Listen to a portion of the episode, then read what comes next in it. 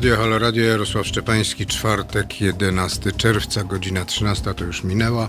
Witam serdecznie, bardzo serdecznie witam. Przypominam telefon do, numer telefonu do naszego studia 22 39 059 22 oraz adres mailowy teraz małpa halo.radio. I przypominam, że jesteśmy na YouTubie, na Facebooku i tam czasami można oprócz tego, że nas słuchać i oglądać, to można też komentować i cokolwiek do nas napisać. Czasami odpowiadamy, jak przeczytamy. E, no i też pozwolę sobie przypomnieć, że jesteśmy medium publicznym, obywatelskim, które żyje z wpłat, dobrowolnych wpłat naszych słuchaczy. Naszym państwa, dzisiejszy, państwa gościem dzisiejszym jest doktor nauk ekonomicznych Jan Lisowski, absolwent SGPiS-u, czyli dzisiejszego SGH, e, specjalista zajmujący się również wsią, gospodarką rolną, e, doradca rządów trzeciej RP w latach 90. szczególnie. E, I będziemy sobie o tym, że prezesem Agencji Rynku Rolnego pan był, to, to też wspomnę, będziemy o tym za chwilę rozmawiać i będziemy rozmawiać właśnie o tym, jak wygląda polska wieś na temat polska wieś.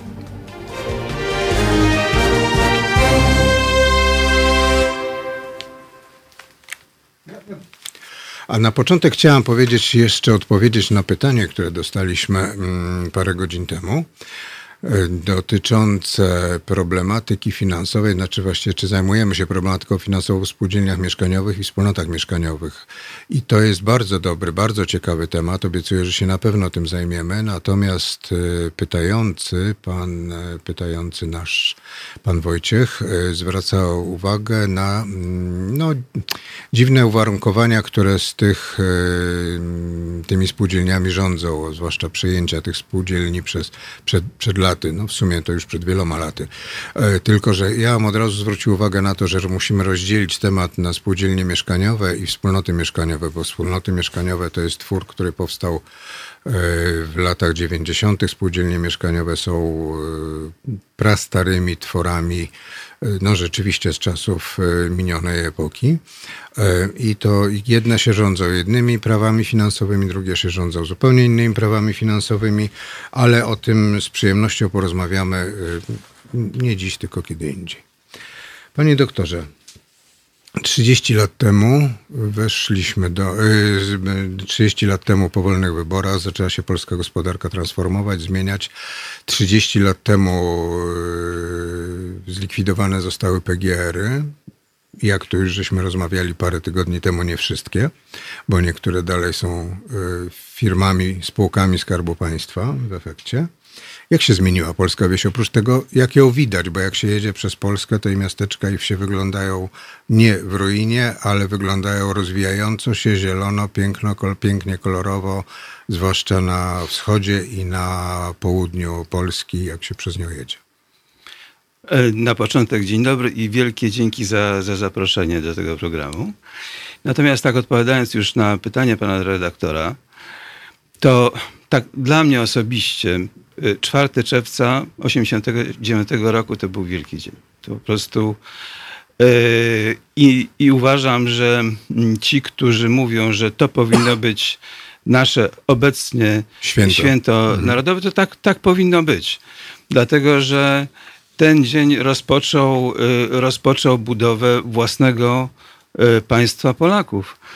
I jak nieodżałowanej pamięci e, premier Tadeusz Mazowiecki powiadał, że dla Polaków to powinna być największa wartość. Własne państwo, odzyskane własne państwo, o które po prostu codziennie należy dbać i je umacniać. E, no, różnie z tym bywa, ale... Z dbaniem i umacnianiem. On jeszcze, on jeszcze mówił o jednej rzeczy, pozwolę sobie tutaj dodać, mówił bardzo e, wyraźnie o tym, że E, że to było odzyskane bezkrwawo. Tak że myśmy nie mieli żadnych, tak naprawdę, no, oprócz kilku czy kilkudziesięciu e, ofiar, e, czy w okresie lat 80., czy, czy nie, było, nie było ofiar żadnych walk przy przejmowaniu władzy. Tak, i to, to trzeba podkreślić, że w zasadzie Polacy powinni być z tego dumni. To jest powód do dumy, a nie, jak się nam czasami wymawia, powód do do, do wstydu, czy że wydarzyło się coś y, pokątnie przehandlowana y, niepodległość Polski. No, ja, ja tego nie rozumiem, ale trzymam się tego, że to był wielki dzień i zresztą Muszę powiedzieć, że jeżeli jesteśmy przy osobie y, pana premiera Tadeusza Mazowieckiego, uważam go za najwspanialszego premiera, który nam się zdarzył. I z wielkim sentymentem wspominam czas y, rządu premiera Mazowieckiego. Uważam, że wtedy podwaliny, które wtedy zostały pod, położone pod y, współczesną Polskę, mimo różnych rzeczy, mimo różnych rzeczy, które się potem wydarzyły, przetrwały i to dobre, z którym możemy teraz mieć do czynienia, znajduje swój fundament wtedy, w tych rzeczach, które się wydarzyły y, zarządów y, premiera Tadeusza Mazowieckiego. Ty, I przypomnijmy, że było to pięć kwartałów. Pięć razy trzy. Y, dokładnie to były 15 miesięcy, w czasie których wydarzyło się to wszystko, co się wydarzyło. Tak, i dlatego należy się olbrzymie uznanie dla Mm, dla tych wszystkich, którzy w tym czasie, nie oglądając się na żadne profity, czy na y, zaspokajanie swojego y, ego, y, ciężko pracowali i dzięki ich pracy mogliśmy mieć te 30 lat przebudowy Polski. Czy sugeruje pan doktor mm, różnicę pewną między tamtym rządem a rządem obecnym, który jednak wielu członków wprawdzie po przepisaniu na żony, ale jednak profity niezłe, niezłe ciągnie. E, e, pewnie tak. Ja tylko chcę powiedzieć, że bardzo tęsknię za, za tamtym czasem i za tamtym rządem z różnych powodów, ale pewnie przede wszystkim dlatego, że e, można było merytorycznie spokojnie współpracować z mądrymi ludźmi. I to było kryterium, wedle którego ci ludzie się tam pojawiali w tym rządzie. No wielu krytyków tego i tego rządu i tego czasu i 4 czerwca 89 po prostu uważa, że e, no, można było wszystkich, e, wszystkich, wszystko zmienić, E, komunistów, nie wiadomo co, czy, czy, nie, czy ich powsadzać do więzienia. Czy, hmm. Tylko, że wszyscy zawsze ci krytycy najczęściej zapominają o tym, że e, rząd e, Tadeusza Mazowieckiego, który powstał we wrześniu po czerwcowych wyborach, nie miał swojej służby bezpieczeństwa, ani w ogóle, ani, ani milicji, bo milicja była, była jaka była, służba bezpieczeństwa była jaka była. E, więcej wojsko było, jakie było. E, to, że one się później pozmieniały i się zaczęło zmieniać w trakcie, no to to już była inna historia. Ale gdyby nagle ktoś chciał postawić taką tezę wtedy, że gwałtownie zmieniamy, wycinamy do więzienia kryminał, to podejrzewam, że natychmiast byłby na tyle skuteczny opór, żebyśmy zapomnieli w ogóle o jakichś zmianach poczerwcowych, nazwijmy to. E, zgadzam się absolutnie, ale mm, e, będąc, będąc przy tym, e, wydaje mi się, że wtedy ludzie, którzy, którzy rządzili, którzy wiedzieli o co chodzi. Znaczy, mieli pewien pomysł długofalowy i wiedzieli do, do czego dążą. Czyli mm, cel był jasny, do którego, do którego zmierzaliśmy. W tym momencie y, ja mm, y, y, widzę raczej prymat takiej małej, bieżącej gry ponad jakimś dalekosiężnym, strategicznym celem, który byłby akceptowany przez całość społeczeństwa. Bo pamiętajmy, że wtedy, w 1989 roku, wychodziliśmy z bardzo trudnej sytuacji i, i ona nie ustała po, po, po, po 4 czerwca tylko ten rząd musiał się naprawdę borykać z olbrzymimi problemami. Pamiętamy y, początek lat 90. i recesję początku lat 90., ale podkreślić należy, że do tej pory Polacy byli y, szczęśliwym narodem, który po tamtej recesji, recesji nie doznał. Nawet w, w okresie tego dużego kryzysu, który pojawił się y, już w latach 2000. Przeszliśmy y, suchą, suchą stopą przez wszelkie zawirowania i Polska cieszyła się cały czas nieustannie wzrostem gospodarczym. Podobnie jak y, pokazują statystyki, jak wzrastały wynagrodzenia i płynąca z nich zamożność Polaków. To też był nieustanny ruch w górę. Ja nie twierdzę, że, że nie było tutaj nierówności. I nie twierdzę, że nie, był, nie było grup społecznych, które mniej korzystały z, z owoców mhm. wzrostu niż inne, ale jednak ten nieustanny wzrost yy, zamożności wynikający ze wzrostu gospodarczego był. Teraz ta sytuacja może inaczej troszkę wyglądać i po raz pierwszy możemy y, zderzyć się y, z sytuacją, której nie pamiętamy w dużym. Znaczy, podejrzewam, że jest pokolenie, które tego nie pamięta, bo, no bo upłynęło ileś tam lat. No jeżeli mówimy o czymś, co się wydarzyło 31 lat temu, no to, mm, to jest to ogromne pokolenie, które tego nie pamięta.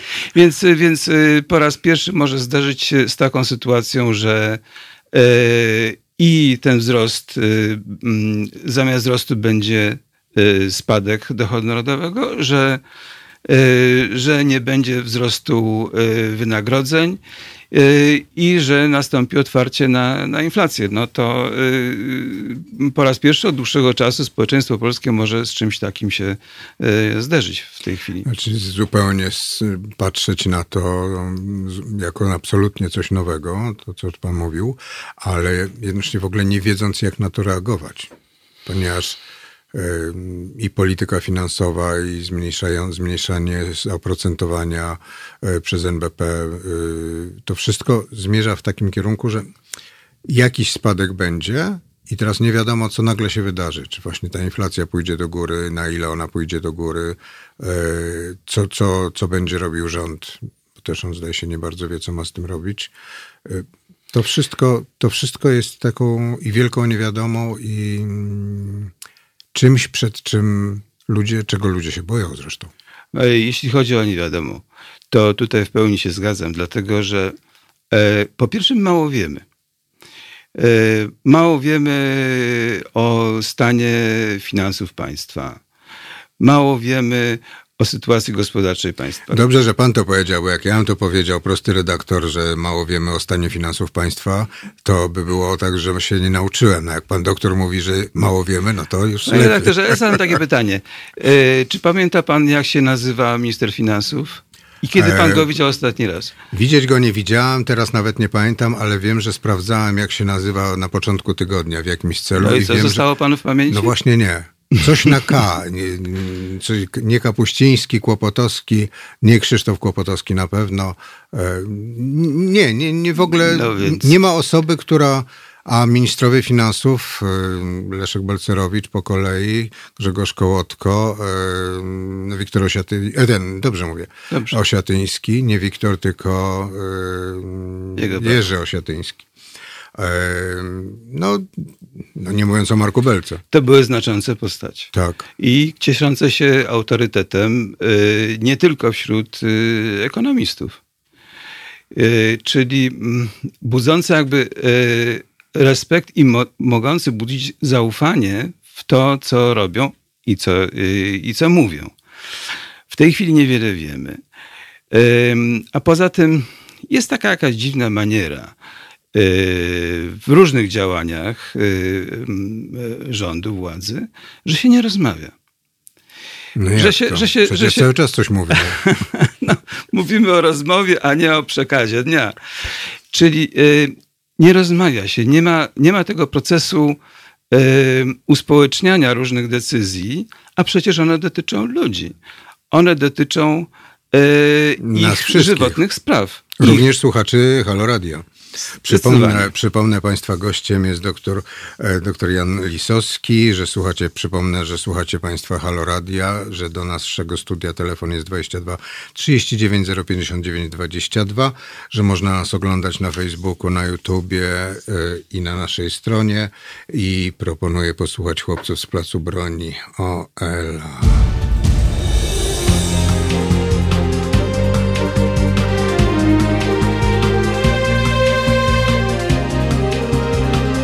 Halo Radio.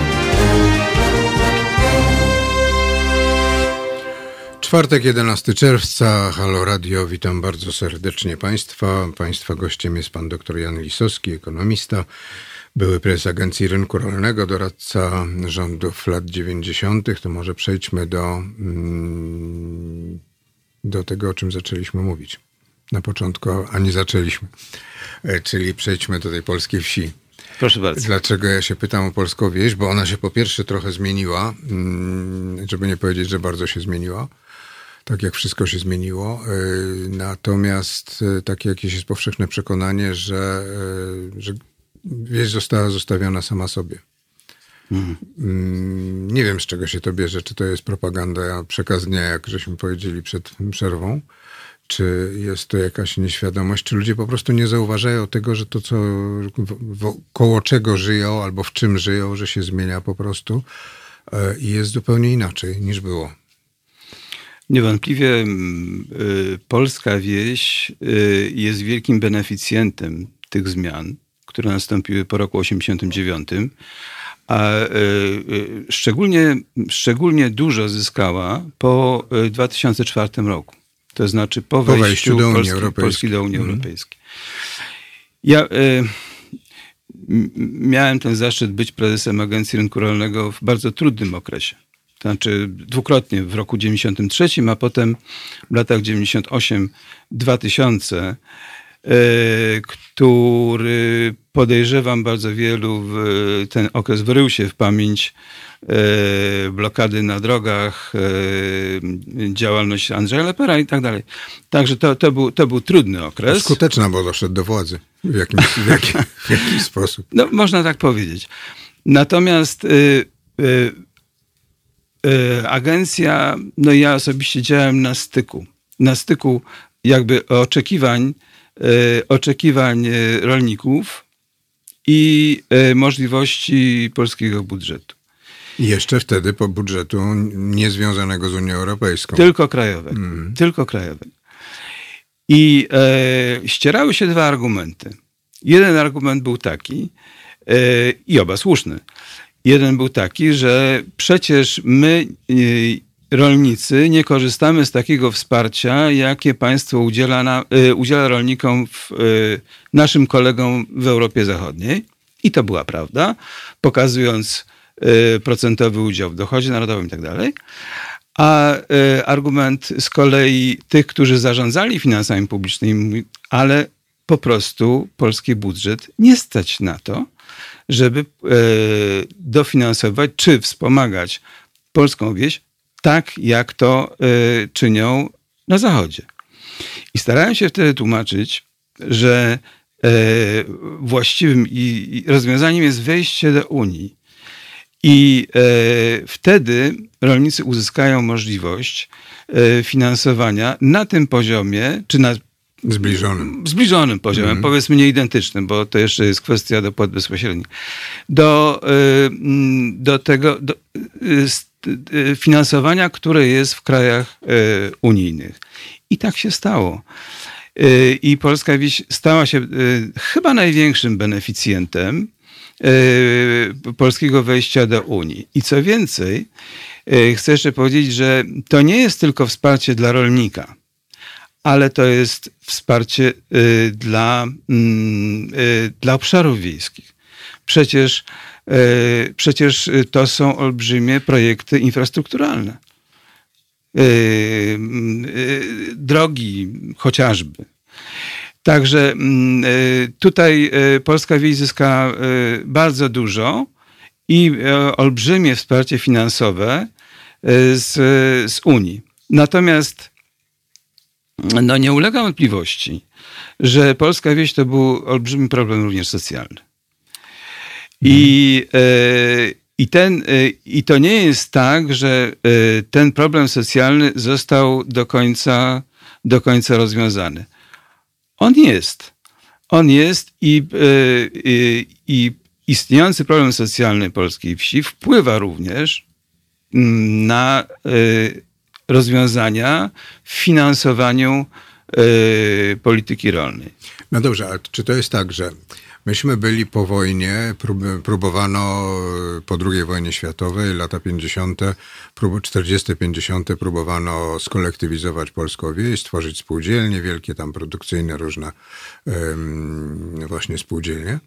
E, to się nie udawało ze względu na to, że polski chłop był przywiązany, mówię to w pozytywnie, pozytywnie polski chłop był przywiązany do ziemi i tę ziemię otrzymał w wyniku reformy rolnej i ją miał i jej bronił zażarcie. E, I, i, I to w efekcie nam zostało. Zostało rozdrobnione rolnictwo w dziesiątkach kawałków, gospodarstwa w dziesiątkach kawałków ziemi. E, I z efektywnością to, to no, żeby nie powiedzieć, nie ma nic wspólnego. Okej, okay. dotknął pan redaktor bardzo, bardzo ważnego problemu. Pierwszy, pierwsza sprawa to to, że reforma rolna przeprowadzona po II wojnie światowej miała, yy, miała pewną wadę. To znaczy, do zmiany struktury polskiego rolnictwa nie użyto ziem północnych i zachodnich, które do Polski po zmianie granic trafiły.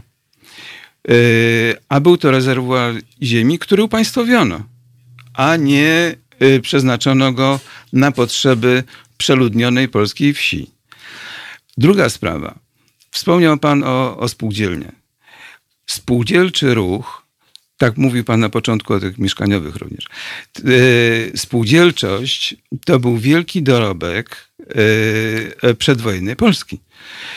To, to, były, to był wspaniały, wspaniały spółdzielczy ruch, który niestety po II wojnie światowej został skompromitowany.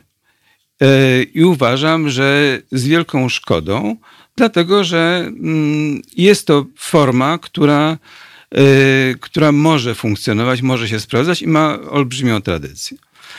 Natomiast jeśli chodzi o rozdrobnienie, i to troszeczkę wiąże się z tym, o czym mówiliśmy na temat struktury społecznej wsi.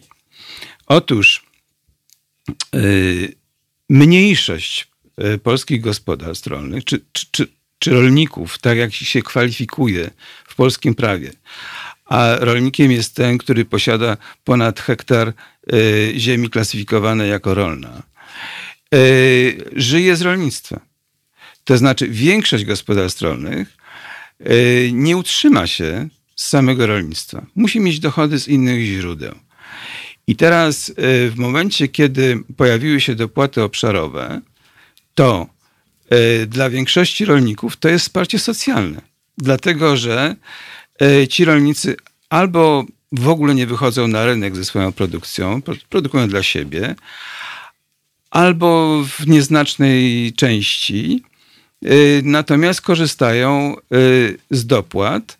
I na przykład, jeżeli by zaproponować, no okej, okay, to przesuńmy w takim razie pieniądze z dopłat y, obszarowych mhm. na nie wiem, na jakieś projekty e, infrastrukturalne związane z rolnictwem, na przykład z wodą, czy, czy z pasami śródpolnymi i tak dalej, tak to będzie olbrzymi protest, dlatego że e, ci ludzie po prostu z tego żyją. To jest ich, ich dochód, bo gospodarstwo ich nie utrzyma. I to jest, i to jest y, problem większości y, polskich, y, polskich gospodarstw rolnych, tak jak je klasyfikuje polskie prawo. Wspomniał Pan o tych gospodarstwach, o podziemiach zachodnich i północnych. No i tam stworzono te wielkie PGR-y, które z kolei stały się no, kolejnym czymś, co było spadkiem PRL-u i, e, i sporem o to, czy zlikwidowanym, zresztą PGR były zlikwidowane w 90 roku. E, ziemia częściowo była podzielona, częściowo sprzedawana, częściowo została w rękach Skarbu Państwa. Dziękuję bardzo, mogę odpowiedzieć na zadane mi pytanie. Dostałem podpowiedź. Obecny minister finansów nazywa się Kościński, jest to siódmy minister finansów w rządzie PiSu.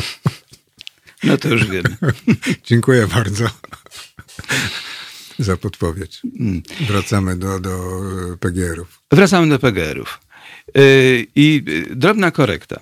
Otóż y, w 90 roku miałem to szczęście, współpracując z rządem y, pana premiera Mazowieckiego i podówczas mm, pracowałem w Ministerstwie Przekształceń Własnościowych.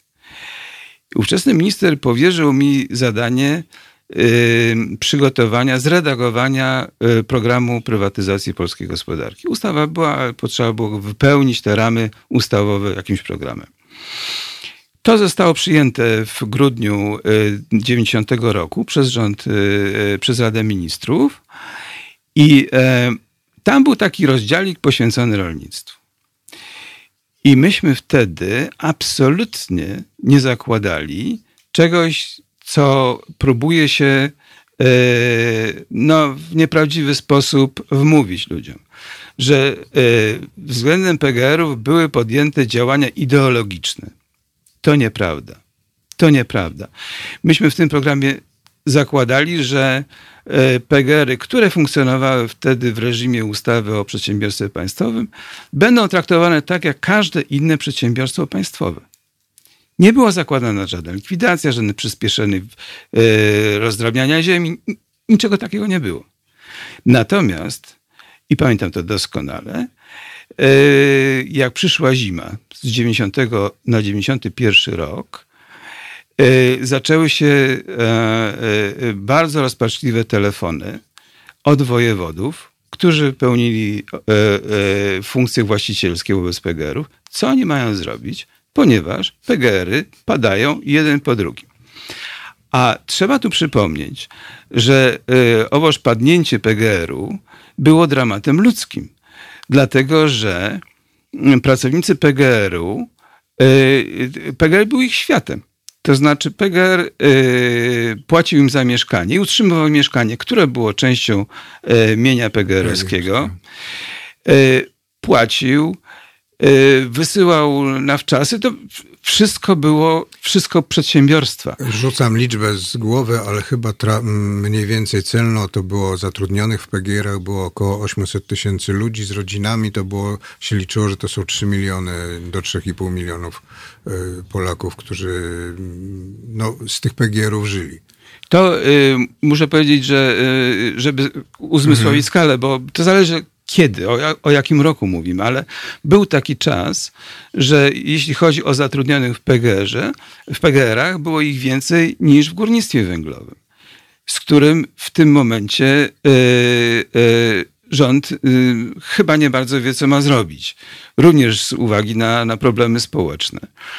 Ale był taki czas, że... Ale Tadeusz pracowników... Mazowiecki sobie poradził z tym w miarę dobrze, bo przecież po Yy, od 1 stycznia 90 roku kopalnie były usamodzielnione i były wtedy zlikwidowane, rozpoczęty proces likwidacji Zagłębia Wałbrzyskiego, które było mm. bardzo niebezpieczne i bardzo yy, wypadkowe. E, I to, to, to sobie z tym, w, te, w górnictwie e, było zatrudnionych 440 tysięcy ludzi wtedy. Ta liczba się błyskawicznie zmniejszyła, jak odrzucono z górnictwa ośrodki wczasowe, sanatoria, etc., etc., etc. To tak, opasą. Ale wracając teraz do, mhm. do, do kwestii PGR-ów. Otóż yy, yy, rozegrał się dramat, dlatego że yy, zaczęła się niekontrolowana wyprzedaż E, dewastacja mienia. Po prostu dlatego, żeby ludzie, którzy mieszkali w tych osiedlach w czasie ciężkiej zimy, mieli opał i mieli co jeść. E, to były naprawdę wielkie dramaty. E, I należało zareagować szybko. I zaczęliśmy zastanawiać, co, co można zrobić. Dlatego, że wojewodowie, korzystając z rozwiązań ustawy o przedsiębiorstwach państwowych, mówi, że są bezradni. Ustawa prywatyzacyjna też nie do końca y, mogła spełnić funkcję restrukturyzacji PGR-ów. Potrzebne było nowe rozwiązanie. I, e, I to nowe rozwiązanie w 1991 roku w błyskawicznym tempie, bo e, zaczęliśmy pracę w kwietniu, a ustawa została przyjęta 19 października. E, zresztą na, na ostatnim posiedzeniu Sejmu kontraktowego została, została przyjęta. I przyjęta została z pięcioma głosami przeciw. Wszyscy byli za. Wszyscy byli za. E, Czyli ile, i lewica, bo wtedy jej było w Sejmie bardzo, 65%. Tak jest. E, I prawica, czyli opozycja. No wtedy opozycja była prawicą mimo że nie prawica była opozycją, opozycja prawicą. No to tak się to poskładało. Myśmy wtedy współpracowali y, przy, y, na koniec y, z taką mm, stowarzyszeniem, stowarzyszeniem PGR-owskim, czyli dyrektorów PGR-ów. Dlatego, że to był wspólny interes, żeby i to mienie uratować i dać tym ludziom, którzy, którzy byli zatrudnieni w PGR, nie tylko zatrudnieni, bo żyli, bo to były też i rodziny z tych PGR, dać jakąś szansę, żeby, żeby yy, przejąć to mienie, oczyścić z długów i pozwolić powstać y, nowym organizmom zdolnym do samodzielnego funkcjonowania. Do odżycia takiego tak. właściwie. Y, państwa gościem jest pan dr Jan Lisowski. Przypominamy, że przypominam, że jesteśmy na antenie Halo Radia, a teraz Depeche Mode, Just Can't Get Enough.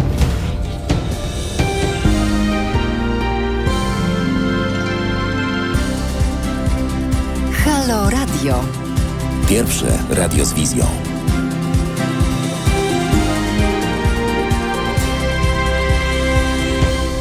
Halo Radio, Halo Radio, jest czwartek 11 czerwca. Państwa gościem jest e, pan dr Jan Lisowski, były prezes Agencji Rynku Rolnego. Wracamy do PGR-ów i 91 roku. Mhm.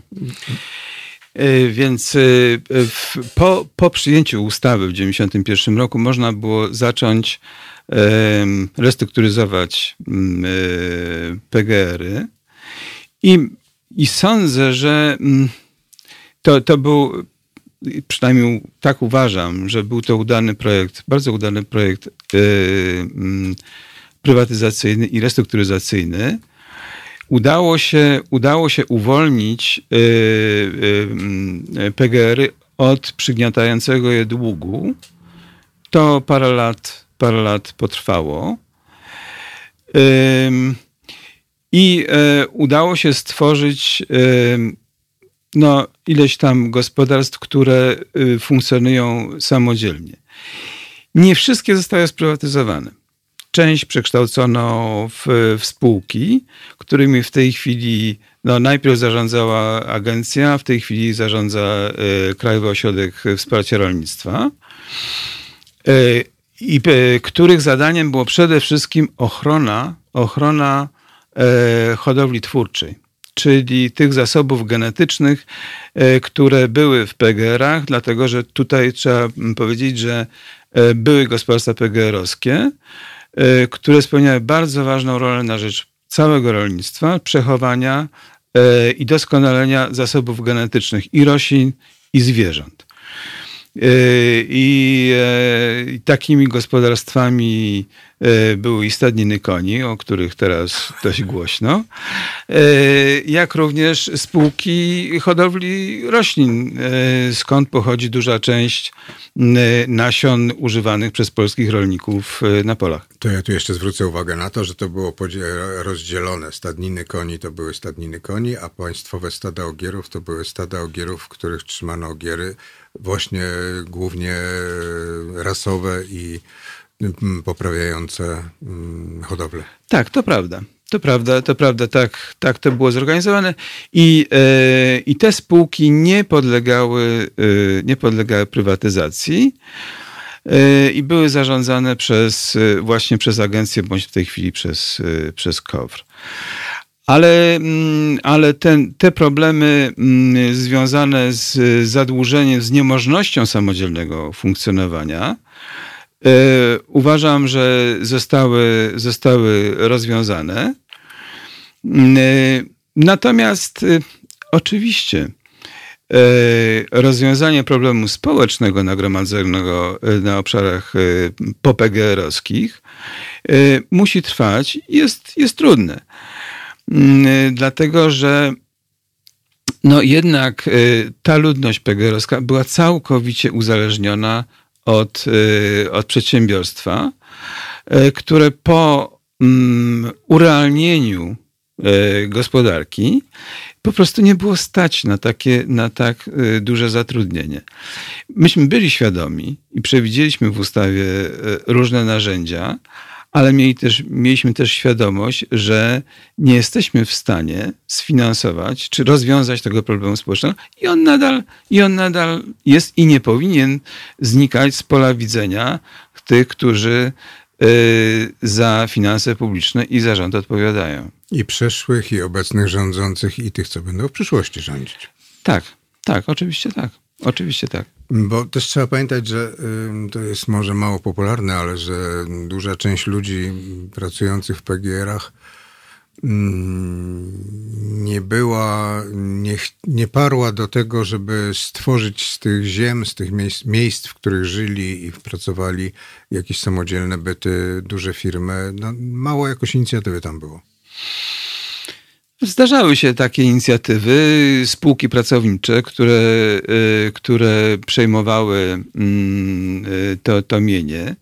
Trzeba, przyzna- y, trzeba powiedzieć, że to rozwiązanie prawne, na podstawie którego dokonywała się prywatyzacja, przekształcenie PGR-ów, upowszechniło również formę władania ziemią, która była zapomniana czy, czy niestosowana, czyli, czyli dzierżawa. E, to było rozwiązanie, które umożliwiło e, e, przekazanie w użytkowanie ziemi w momencie, kiedy w Polsce nie było kapitału, dlatego że zderzyliśmy się z takim problemem, że po prostu tej ziemi no nie ma za co kupić, bo, bo nie ma pieniędzy. No tak, no bo jeszcze ten człowiek, pracujący, pracownik nie dostaje wypłaty, to jakby jeszcze miał tę ziemię kupić. Więc, Za e, złotego symbolicznego. Więc, więc yy, yy, to było również upowszechnienie, upowszechnienie tej formy, która zresztą w zachodniej Europie jest powszechna i wręcz podstawowa. Chyba bardziej dzierżawa niż, niż własność, jeśli chodzi o użytkujących E, ziemi rolną. Ale to chyba było też e, historycznie pejoratywne określenie dzierżawca, to takie było coś, spadek po kapitalizmie poprzedwojennym. To, to, okres komunistyczny tego słowa dzierżawca mm, nie, nie to, że nie poważał, ale też w ogóle nie, nie, nie honorował. Znaczy to e, za, za PRL nie, nie lubiło się prywaciarza. No to w ogóle, to tak. To A który jeszcze żerował na, na państwowym majątku. U, to już w ogóle było. Prawda? Wszyscy żerowali na państwowym majątku, bo żerowanie, yy, życie z państwowego majątku jest najlepsze, bo najbezpieczniejsze. Przypomnę Państwu, że słuchacie Halo Radia. Goście Państwa gościem jest Pan dr Jan Lisowski. Telefon do naszego studia 22 39 059 22. Mail teraz małpa halo.radio. Jesteśmy na YouTubie, na Facebooku i przypomnę, że e, radio Halo Radio jest medium obywatelskim żyjącym tylko i wyłącznie z dobrowolnych wpłat naszych słuchaczy. Jak to teraz się mówi, również i słuchaczek. A teraz zapraszam Michael Jackson, Billie Jean. Halo Radio. Gadamy i trochę gramy.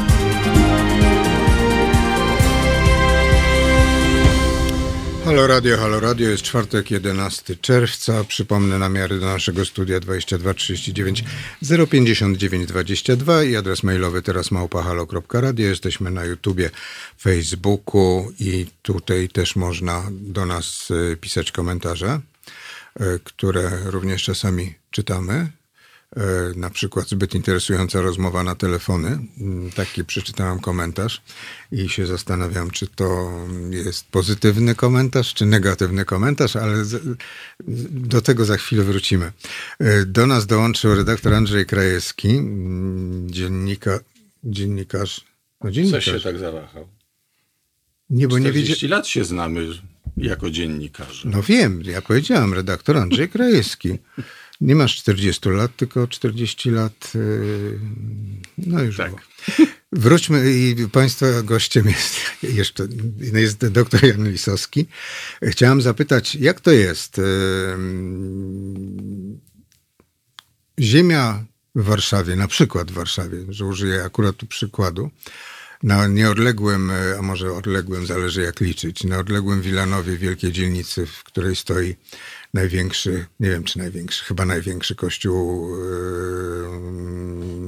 w kształcie cytryny. Zwany, zwany wyciskarką. Mm. I to jest ziemia, która, stoi to wszystko na ziemi, która jest własnością Krajowej Organizacji Wsparcia Rolnictwa. Bo wszystkie wylicze, rozliczenia yy, przekształceniowe, te gruntowe, dzierżawo, dzierżawczo-przekształceniowe są załatwiane z kowrem.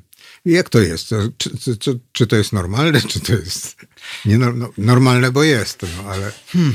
To znaczy, to y, y, grunty, na których powstały osiedle Wilanów, łącznie ze świątynią w kształcie, o którym pan redaktor zechciał wspomnieć, to y, powstały na y, gruntach, które były w użytkowaniu wieczystym y, SGGW. Czyli właścicielem był Skarb Państwa, użytkownikiem wieczystym było SGGW. Szkoła Główna Gospodarstwa Wiejskiego, jak się to ją określało e, lata temu, to nie będę przytaczał.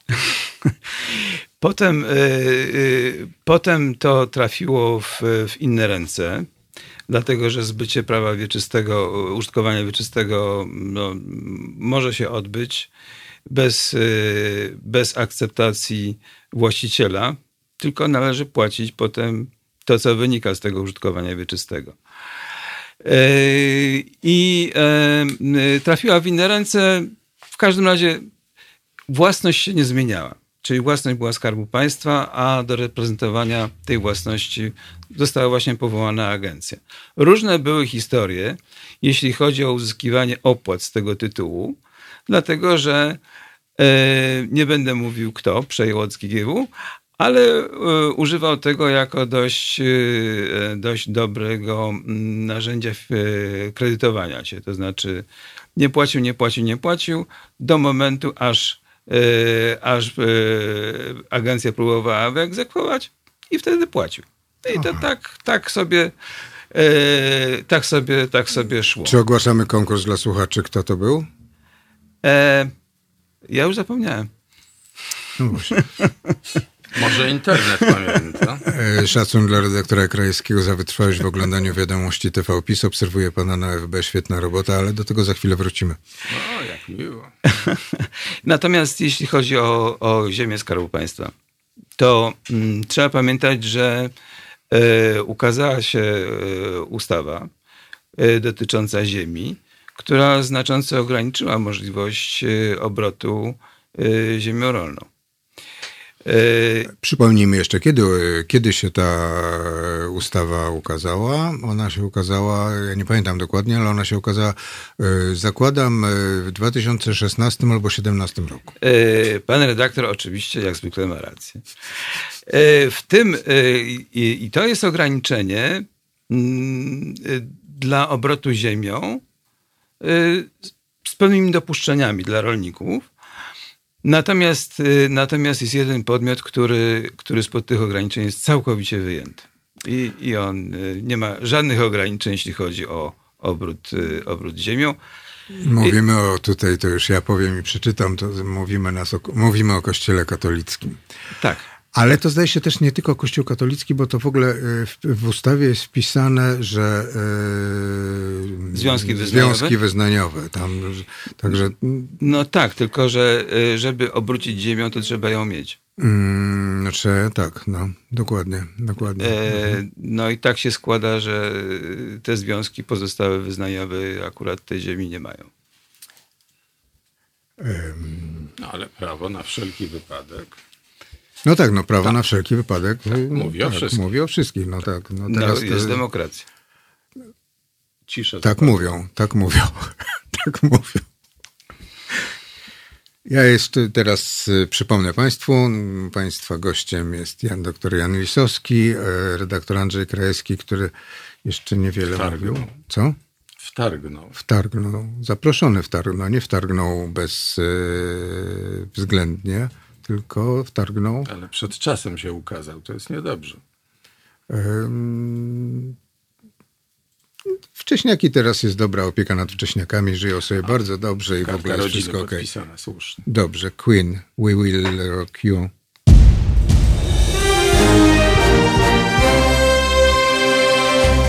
Halo Radio. Gadamy i trochę gramy.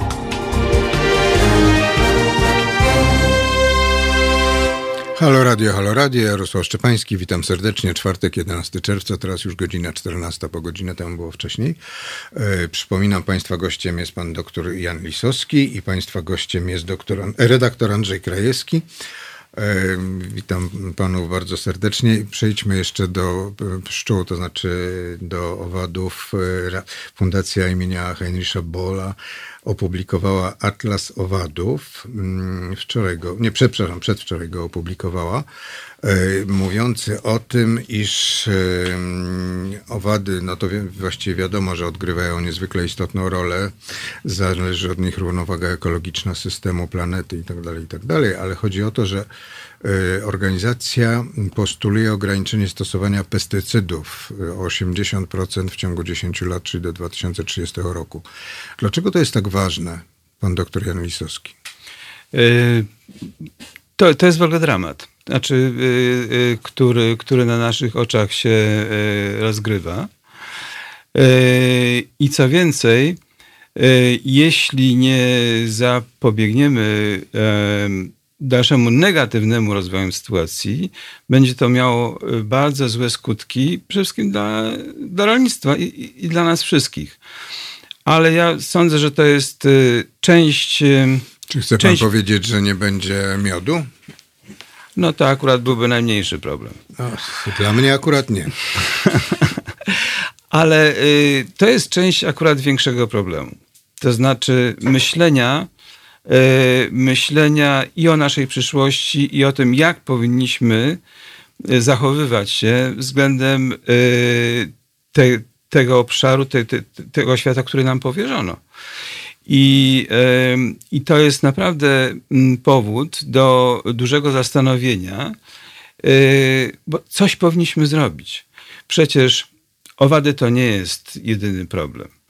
Mamy problem e, z suszą, e, która jest dramatyczna i co do, co do której chyba nie do końca jesteśmy przygotowani ani jeśli chodzi o mm, gospodarowanie wodą, ani jeśli chodzi o y, finansowanie skutków tej suszy dla tych, których ona dotknęła. Dlatego, że dla przypomnienia, y, środki, te, te rekompensaty czy odszkodowania suszowe płacone są rolnikom w tym roku za rok ubiegły. A przecież wedle wszelkich prognoz, mimo deszczowego maja, będziemy mieli ten problem prawdopodobnie na jeszcze większą skalę w tym roku. I ja nie wiem, czy zrównoważony budżet yy, przewiduje taką rezerwę, którą można by dla, na wsparcie tych dotkniętych suszą przeznaczyć. Pandemia. Zrównoważony budżet przez siódmego ministra finansów. Tak jest. A jak się nazywa? A, było pytanie, ktoś, ktoś nam podpowiedział, to, to jest słuchacz uważny. E, Raz w wiadomościach wystąpił. Raz pa pandemia to też jest pewien klaps wymierzony nam przez naturę. I albo, i albo sobie y, z tych klapsów i coraz mocniejszych zdamy sprawę i wyciągniemy jakieś wnioski, albo te, te, te, kolejne kryzysy będą coraz większe, coraz, coraz, y, coraz poważniejsze. Y, natomiast y, z całą pewnością rolnictwo odgrywa tutaj bardzo znaczącą rolę, dlatego że rolnictwo i jest największym konsumentem wody, szczególnie w produkcji zwierzęcej, i produkuje gazy cieplarniane właśnie z produkcji zwierzęcej, dlatego że to jest metan, który z tych dużej ilości odchodów zwierzęcych się pojawia. I to jest w końcu to, od czego pan redaktor zaczął, skażenie środowiska nieumiejętnie albo nadmiernie używanymi środkami ochrony roślin bądź nawozami, e, które w pewnym momencie trafiają i do naszej żywności, i do wody.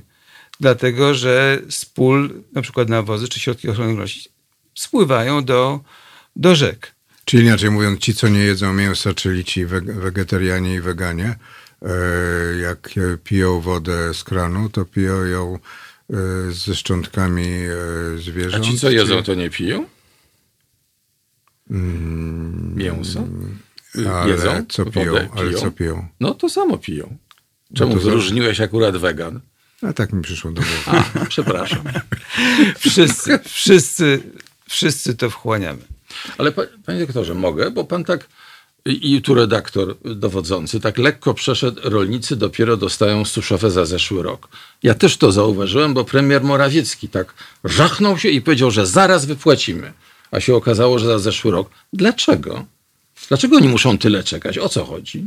No może to się musi uleżeć. E, jak mawiano e, w Rosji, jak nie wiadomo o co chodzi, to chodzi o pieniądze. No, no ale tu słusznie Jarek zauważył, że mieliśmy zrównoważony budżet. Mieliśmy, już mamy nie mamy. mieć. Nie, a to dopiero za 10 lat. A 2020 roku, no to uchwalone. No, nie, to no. uchwalone, ale będzie korekta budżetu tylko po wyborach, no spokojnie. No, wszystko musi mieć swój czas, jak pan powiedział. No tak. To już no tu tak. mamy odpowiedź na pytanie, czy będą wybory w najbliższym czasie. Redaktor Andrzej Krajski twierdzi, że będą. No, mam pytanie, e, czy w wiadomościach e, TVP TV PiS TV PiS. Ja nazwę podaję, A, tak, nazwę podaję stacji i podaję nazwę A, programu. Ja nickname, tak. tak. E, czy mówi się w ogóle o suszy? Nie. Jest absolutna susza z suszą. Nie, już suszy nie ma, w związku z tym nie ma o czym mówić. Mówimy wyłącznie o tym, jak zły jest jeden kandydat i jak dobry jest drugi kandydat. No, A, no bo te, ten zły to nam zalał Wisłę fekaliami. fekaliami tak? Właśnie myślałem, że o tym powiesz. Że to... Że to, a nie, nie, tak. nie, nie o to mi chodziło. Nie, nie, jakoś tak zupełnie. Czy je, jest w wiadomościach jakaś, jakiś problem o rolni, z rolnictwem, czy nie? Nie, no nie ma żadnego problemu. Pan prezydent odwiedza rolników i oni się bardzo z tego cieszą. I taka brona tak jeździ po ziemi i tak zaoruje, zaoruje, zabronowuje, prawda? No i wszystko jest cudownie. Mi się zawsze przypomina. Ja wiem, jestem z innego świata. Fedorowicz, Jacka Fedorowicza opowieść o strajku y, drukarzy w sierpniu 1981 roku. Jak wyciągnął Jacek Fedorowicz taką gazetkę, taką wydrukowaną na A4 i mówi, o jest, jest, jest, właśnie wydrukowali, czyli jednak złamali strajk, się nabijał wtedy. Hmm. To takie mniej więcej właśnie jest bronowanie. Jak wygląda w wiadomościach um, polskie rolnictwo? Oprócz tego bronowania. No, no, władza dba o rolnictwo. Tak wygląda rolnictwo, że władza o nie dba. No i na przykład y, y, również rolnicy będą mieli prawo do tych takich małych oczek wodnych co to je pan prezydent będzie robił w każdym gospodarstwie. Gorzej z blokami, ale też się na to znajdzie sposób. Ale bloki oczek czy oczka w blokach? Nie, nie, nie, nie. No, oczka w blokach jest trudno, bo wtedy byłyby na przestrzał. A u rolnika to tak w ogrodzie, w zagrodzie zrobi się oczko i to będzie oczko plus nie wiadomo, co jeszcze będzie dodawane do oczka. Są różne koncepcje.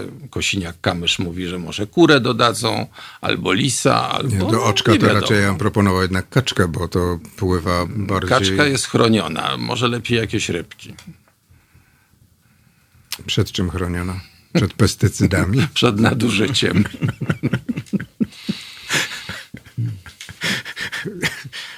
American Woman.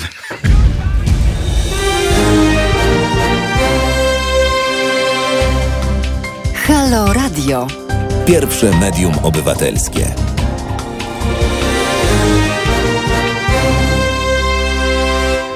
Halo Radio, Halo Radio, Jarosław Szczepański, witam Państwa bardzo serdecznie. Przypomnę numer telefonu do naszego studia 22 39 059 22, adres mailowy teraz małpahalo.radio. Komentarze też można i oglądać nas można i na YouTubie i na y, Facebooku. Przypomnę, że radio, Halo Radio jest medium obywatelskim, które żyje z tego, co łaska, czyli inaczej mówiąc dobrowolnych wpłat naszych słuchaczy. Państwa gościem był pan doktor Jan Lisowski, a jest redaktor Andrzej Krajewski. Nadal jest, tak. Witam bardzo serdecznie ponownie. Bardzo mi miło. Jaka jest rzeczywistość, e, którą oglądasz e, w wiadomościach TVP? Yy, powiedziałbym wyobcowana. To ciekawe. Tak, ciekawa to znaczy, oczywiście, hmm. każdy jeden jest w swojej bańce. Ja jestem w takiej bańce, że dla mnie to jest zupełnie wyobcowane, ale myślę, że no chyba nikogo nie ma, kto tak poza redaktorami i nadzorcami, który by zupełnie w tejże bańce siedział. Ponieważ wiadomości żyją w tej chwili wyłącznie, znaczy jest jeszcze marginalnie temat koronawirusa, ale jak wiadomo, wygrywamy z epidemią mając coraz wyższe zarażenia Czy- dzienne. Tak. Rozpoznawa- na coraz większą rozpoznawalność przypadków. Y, Tak, i masowe y, wymazy, które powodują, że jest więcej. Jakby się mniej wymazywało, to, To byłoby mniej. Mniej, No. więc to w ogóle nie jest żaden problem, a poza tym to jest na Śląsku, a my jesteśmy w Polsce. Takie delikatne rzeczy. Ale to mi strasznie przypomina e, rok e, 80, kiedy e, trwały strajki na wybrzeżu i przyjeżdżały, e, jechały węglarki z e, wybrzeża na Śląsk z napisami. Puste już, tak. z, napis, z, z brzydkimi napisami Brzydkimi do, pod adresem- do Ślą, pod adresem tak. Śląska. Tak, to jakoś tak mi się... Tak, no więc y, nie myślę, żeby ktoś był zupełnie w tej bańce, w której są redaktorzy i nadzorcy, nie chcę powiedzieć dziennikarze, wiadomości, ponieważ... Pracownicy, pracownicy pionu Pracownicy, informacyjnego. tak, pracownicy pionu propagandowo-informacyjnego, tak bym powiedział. Bo, bo co jest ważne, myśmy robili takie badanie na początku tego roku, kiedy jeszcze przecież nie było tego całego szaleństwa. Mm, Porównywaliśmy y, wiadomości, fakty i wydarzenia, czyli y, TVN, prawda, nadawców dwóch komercyjnych, I no Polsat. nadawcę państwowego, tak trzeba powiedzieć, bo publiczny to on już zupełnie nie jest. I porównywaliśmy agendę dnia. I nie chcę się odczytywać w tej chwili tych, y, mam przed sobą te informacje, ale z tego co pamiętam, co było charakterystyczne. W obu dziennikach komercyjnych, no one miały jakiś związek z rzeczywistością danego dnia. To znaczy pokazywały się jakieś wydarzenia, wspólne, ogół podobne. To y, badaliśmy na przykład, czy trzy pierwsze są takie same, bardzo rzadko były takie same, ale w komercyjnych bardzo często co najmniej dwa powtarzały się w wiadomościach w tej chwili to się zaczyna od albo pierwszy sekretarz, e, prawda, e, e, Andrzej Duda, tu odwiedził, tu nawiedził, tu powiedział i tak dalej, albo kolejna, kolejny występ totalnej opozycji, dla kogo naprawdę pracuje Trzaskowski. No, to są dwa schematy. Jednego dnia ten, drugiego dnia ten. Nie wiem, co by musiało się stać na świecie, jakby chociażby to, co się dzieje w Ameryce, żeby to było choćby raz w czołówce wiadomości. Nie, to po prostu nie istnieje. Wydarzenia, no przecież ogromne wydarzenia jednak amerykańskie, te wszystkie protesty, um, chociaż no przecież w Warszawie pod ambasadą amerykańską też coś się działo, to w ogóle nie istnieje w wiadomościach. Świat nie istnieje, tak zresztą było zawsze też w tym badaniu styczniowym to było charakterystyczne, że najbardziej w polskich mediach świat istniał wtedy, kiedy miał związek z Polską. Bo oczywiście chociażby w tych ostatnich dniach, owszem, pokazywał się prezydent Trump razem z prezydentem Dudą, dlatego że był potrzebny do pokazania sojuszu polsko-amerykańskiego, który Takie- najlepiej to, to, rozwija to jest się. takie zdjęcie, które Trump e, siedzi, a Duda stoi. E, Nie, tego zdjęcia nie ma. To zdjęcie było tylko raz historycznie i było tak niesłychanie starannie w, opakowane w trzy minuty wpadek Bronisława Komorowskiego i innych prezydentów. No i wtedy tak ukradkiem kiedyś raz się to zdjęcie pokazało i nie ma powodu, żeby się pokazywało więcej. Przecież to takie trywialne. Raz również pokazali, jak prezydent Duda na tym trawniku pod Białym Domem tak ładnie macha temu F-35, który przelatuje. I ponieważ internet źle to zinterpretował, to już tego zdjęcia też nie ma. A to y, sądzisz, że ten pilot F-35 to widział? No właśnie myślę, że nie zauważył i to jest kara dla niego. Już więcej nie będzie mu machane. Nie będzie mu ten, nie będzie latał nad, nad Białym Domem, okej, dobra. Ty wiesz, przecież Jarek, też tam byłeś, wiesz doskonale, że przelecenie nad Białym Domem to rzeczywiście jest coś. Bo przecież nie wolno, Nie wolno latać, nad Waszyngtonem latać. to, no. to było wariactwo. Można powiedzieć, że wiesz, taki komiwojażer jak prezydent Trump, to, to się rzadko zdarza. Ale już porzu- nie potrafię porzucić, bo to tylko można się śmiać albo płakać, a ja wolę się śmiać. No ale chociażby stwierdzenie ambasador Mosbacher, że Polska może by wzięła e, głowice jądrowe, które e, mają wyjechać z Niemiec, nie zostało w ogóle zauważone. Może to niejasno powiedziała.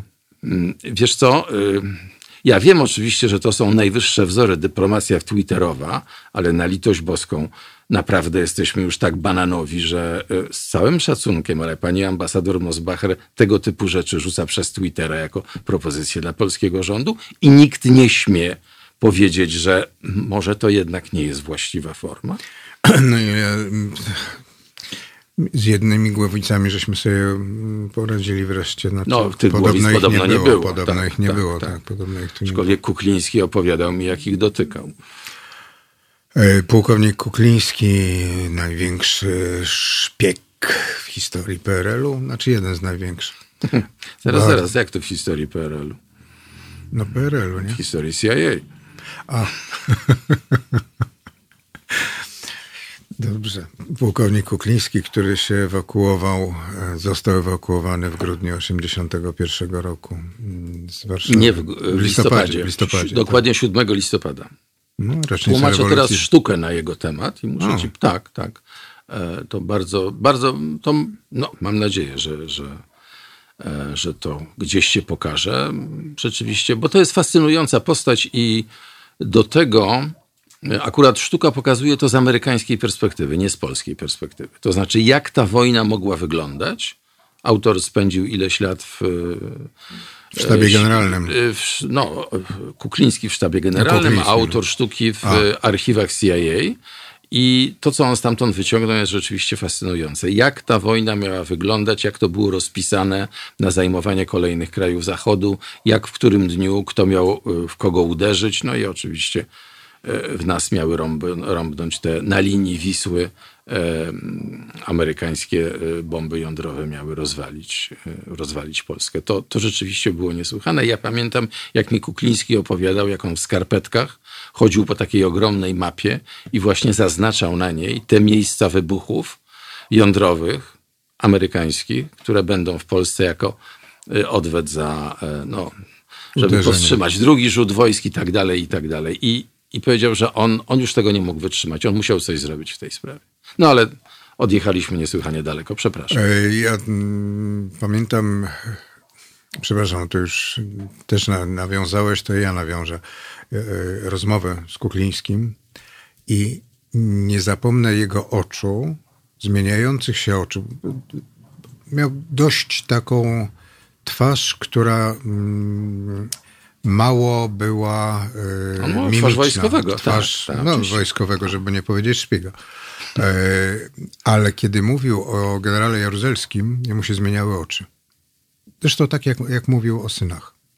Tak. Ale to już jest inna historia. Ale to się zupełnie inaczej mu zmieniały te oczy. Tam była różnica e, nad tym, ale to, były, to też było koniec lat 90., więc to już była zupełnie inna sytuacja. E, Spotkałem się z, takim, z taką oceną. Państwa gościem, przypomnę, jest redaktor Andrzej Krajewski. Rozmawiamy o mm, wiadomościach TVP i innych programach informacyjnych. W życiu mi się nie domyślił. Tak daleko odjechaliśmy. Odjechaliśmy, tak, odjechaliśmy od razu pr- prostym przeskokiem do CIA. E, Zdawało mi się, taki, spotkałem się z taką oceną, że e, porównanie dzisiejszy, dzisiejszych wiadomości TVPiS, e, że są dużo ina- zupełnie inaczej robione niż dziennik telewizyjny z czasów e, PRL-u. E, Z tego prostego powodu, że mm, wówczas jednak brano poprawkę na to, że ym, słuchacz, oglądacz dziennika telewizyjnego miał dostęp do prawdziwych innych informacji, które miały w Radio Wolna Europa, w różnych radiach, bo tego mnóstwo ludzi słuchało. I na to brano poprawkę. Zresztą przecież w gazetach takich jak, e, nikt tego nie, niewiele osób to pamięta, Trybunał Ludu czy Żołnierz Wolności, jak się pokazywał artykuł, coś krytykujący, no to trzeba było się dowiedzieć, o co chodziło. Tak. Znaczy, czemu dawał odpór? Czemu dawał odpór? Bo o tym nie mówił. E, wiadomości dzisiejsze są e, jednostronne, jednoznaczne, tylko i wyłącznie mówią dobrze o, pokazują dobrą rzeczywistość ze strony władzy, miłościwie nam panującej i Miłości? no takie było kiedyś pojęcie, A, kiedyś. kiedyś w, w historii. Król miłościwie panował, a tutaj, prawda, no, powiedziałeś, pierwszy sekretarz Andrzej Duda, on jest prezydentem, o ile dobrze pamiętam, a sekretarzem pierwszym jest kto inny. A, dobrze. Tak mi się wypsnęło. Dokładnie. E, Chciałem go ucieszyć. W każdym razie y, wiadomości pokazują zupełnie inną rzeczywistość. TVP Info, to co powiedziałeś, też pokazuje zupełnie inną rzeczywistość. Tylko problem polega na tym, że nie wiem jak duża część Polaków, ogląda tylko i wyłącznie TVP. To ja ci powiem, jak dużo. Z pewnym przybliżeniem, ale ci powiem. Mm, A redaktor Andrzej Krajewski powie nam teraz, jak wielu Polaków ogląda. Tylko i Yy, wyłącznie. Rachunek jest taki. Wiadomości około 3 milionów widzów. Ostatnio tyle mają. E, Panorama mniej więcej półtora. Teleekspres prawie tyle samo co wiadomości. To już masz 6, 7,5. Więc jeżeli teraz porównasz to z, y, i y, wspólna oglądalność, to znaczy ludzie, którzy oglądają dwie czy trzy audycje, jest stosunkowo niewielka. Teraz, jeżeli popatrzysz na to, że y, około 30% y, odbiorców w Polsce korzysta tylko z telewizji z kanałów naziemnych, to znaczy nie ma dostępu do kabla, nie ma dostępu do y, satelity, a to oznacza, że odbiera tylko to, co jest w y, muksach, czyli w powietrzu. Co prawda, w powietrzu jest też TVN i w związku z tym są e, e, fakty w TVN-u i jest Polsat i są jego wydarzenia, ale już nie ma TVN24 i już nie ma Polsat News.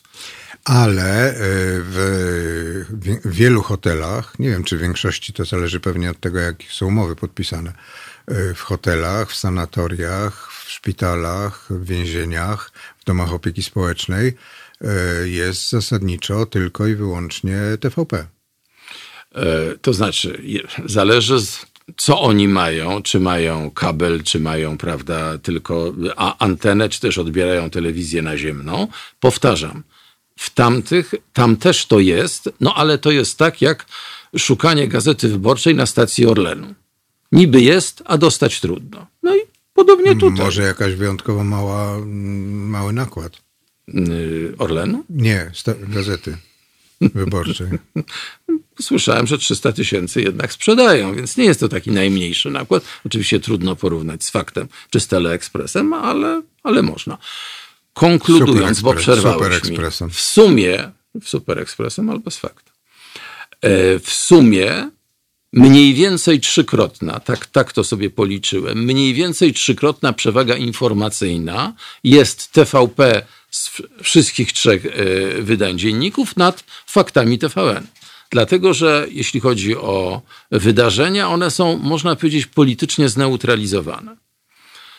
Nie kłamią, ale do końca prawdy też nie mówią, a najlepiej jak mówią jak najmniej. Też te styczniowe badania, które tutaj robiliśmy porównawczo, wykazywały, że tak zwanych Michałów najwięcej było właśnie wyda- w wydarzeniach Polsatu, zresztą świetnie robionych Michałów. Tam nadal są bardzo dobrzy dziennikarze, którzy no, nie bardzo mogą robić to, co chcieliby prawdopodobnie najbardziej, czyli polityczne kawałki. W związku z tym robią świetne kawałki, e, no takie lekkie, no Lekkie, łatwe i przyjemne. lekkie, łatwe i przyjemne, nie, ale też bardzo pouczające, bardzo dobre. Tylko no, y, jeśli chodzi o warstwę informacyjną, to to akurat nie jest najważniejsze, co powinno być w y, informacjach telewizyjnych czy też radiowych. Słuchajcie Państwo Halo Radia. Państwa gościem jest redaktor Andrzej Krajewski, Sheryl Crow, All I Wanna Do.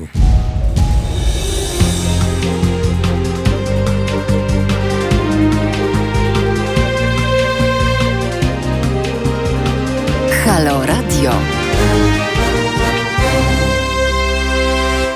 Halo Radio, Halo Radio, Jarosław Szczepański. Witam Państwa bardzo serdecznie. Naszym gościem jest redaktor Andrzej Krajewski. Rozmawialiśmy... Daję głos. Dajesz głos. Rozmawialiśmy o, przypomnę, telefon do nas y, 22 39 059 22. Jesteśmy też na YouTubie, Facebooku.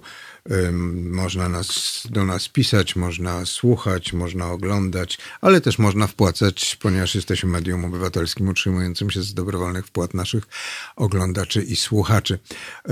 Roz- Zaczęliśmy tu w międzyczasie, w czasie mm, pamiętam, to Miłego antraktu muzycznego. Tak, bo nie, nie, nie, nie zwróciłem uwagi, bośmy się zasłuchali i zarozmawiali yy, na temat przedłużenia umowy yy, pana Boba Spańskiego na posiadanie telewizji, praw do telewizji polskiej, Rozpowszechniania. rozpowszechniania. rozpowszechniania. Praw do rozpowszechniania telewizji Polonia w Ameryce Północnej, czyli w Kanadzie i w Stanach On ma, Zjednoczonych. też, on też ma umowę rozszerzoną Na na południową? południową, A i środkową. ma, tak. to se rozszerzył Y, Chyba w lat, jako gdzieś w latach 2000 to było, nie pamiętam czy nie za Kwiatkowskiego z kolei, to było prezesa telewizji y, i Ale powiedzmy, skąd się to wzięło, ten temat naszej rozmowy. temat naszej rozmowy się wziął stąd, że i tu że redaktor Andrzej Krajewski wziął się za lekturę sprawozdania Krajowej Rady Radiofonii i Telewizji za rok 2019.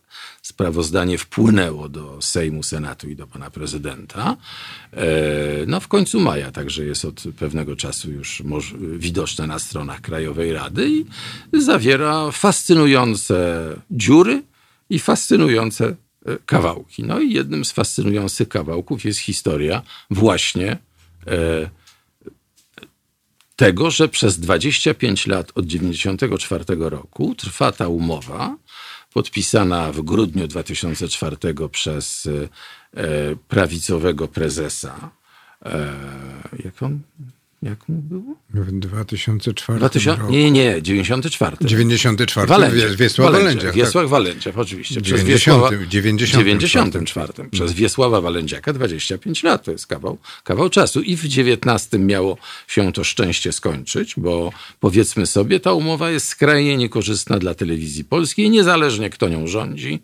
E, Po prostu e, wpływy z tego rozpowszechniania są bardzo ograniczone. Telewizja, to trzeba oddać, próbowała e, wywi- wywinąć się z tej umowy wielokrotnie. Nawet Najwyższa Izba Kontroli z panem e, e. Januszem Wojciechowskim, obecnie komisarzem europejskim A do przedtem szefem NIK-u, tak? Tak. Mhm. Próbowała, Próbowała to. to coś z tym zrobić, nic się nie dało zrobić.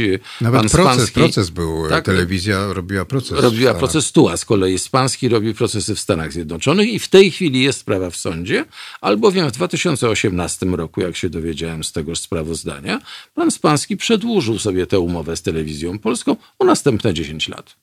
Telewizja twierdzi, że absolutnie czegoś takiego nie podpisywała. Pan Spanski pozwał ją do sądu federalnego i sprawa jest w sądzie federalnym, a oczywiście umowa dalej trwa.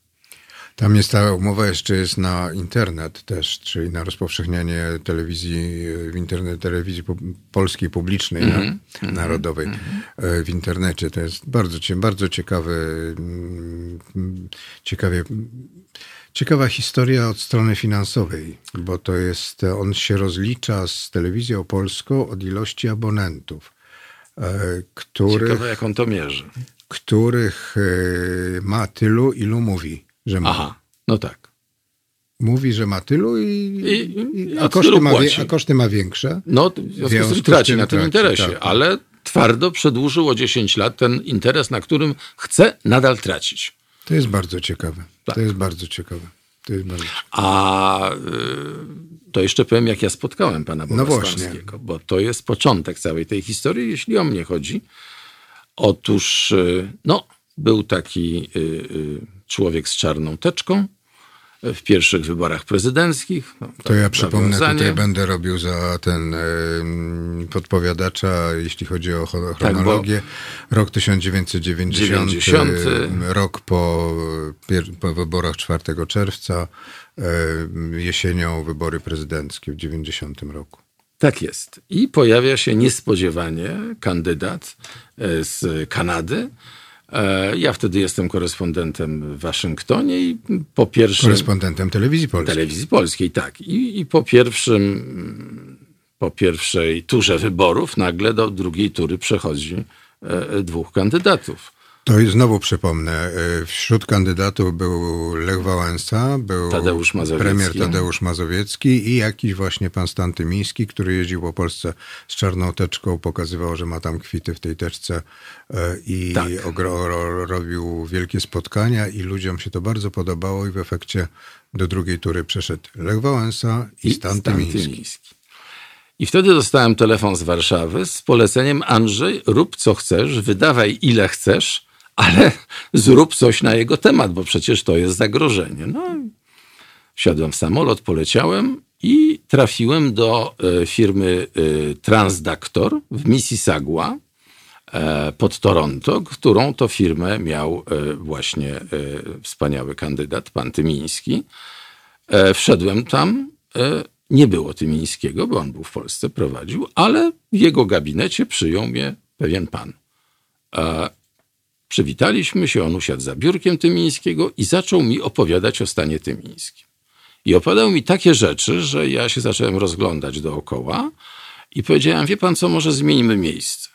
I to był pan Bob Spanski. I on mi powiedział to wszystko, te wszystkie ślady, którymi potem poszedłem, no i zrobiłem taki znany materiał na temat stana tymińskiego. Czyli możemy zakładać, że, czyli możemy zakładać, że yy, stan tymiński Yy, że ten Bob Spański później yy, myślę, że myślę, że on dobrze zapamiętał tę naszą rozmowę i, I wykorzystał to, to tutaj, jeśli on chodzi... jeszcze w tak. międzyczasie, w międzyczasie, wiem, że nie ma takiego słowa w języku polskim międzyczas, ale między rokiem 90 a rokiem 94, czyli podpisaniem umowy na yy, na przejęcie wyłączność, wyłączność dystrybucji, tak. dystrybucji na Amerykę Północną.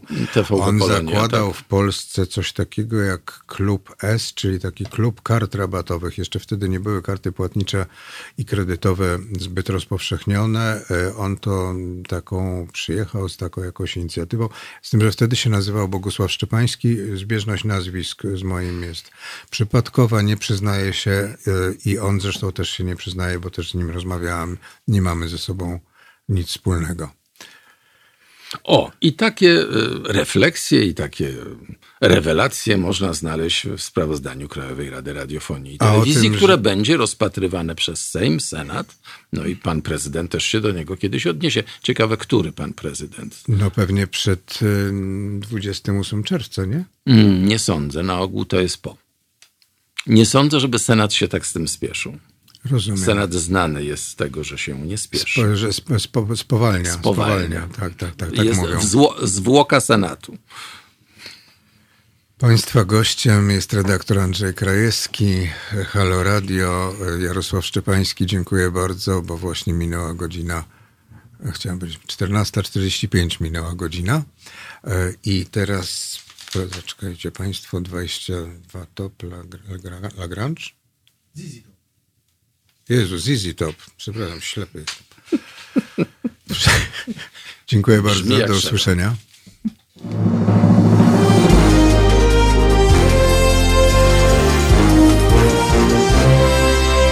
Dzień dobry, nazywam się Kuba Wątły. Jestem pomysłodawcą projektu Haloradia, pierwszego w Polsce w pełni profesjonalnego medium dla obywateli. Dla niektórych z Państwa jestem też ojcem dyrektorem, chyba dlatego, że czasami udzielam się w naszych programach nagle i z zaskoczenia.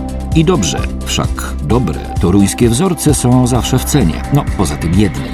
Pan Rydzyk gromadzi pieniądze, by nas dzielić i z czasem doprowadzić do wojny domowej na tle religijnym. My prosimy natomiast Państwa o wsparcie, by móc z Wami rozmawiać, by wspólnie się uczyć, by tolerancję zastąpiła akceptacja.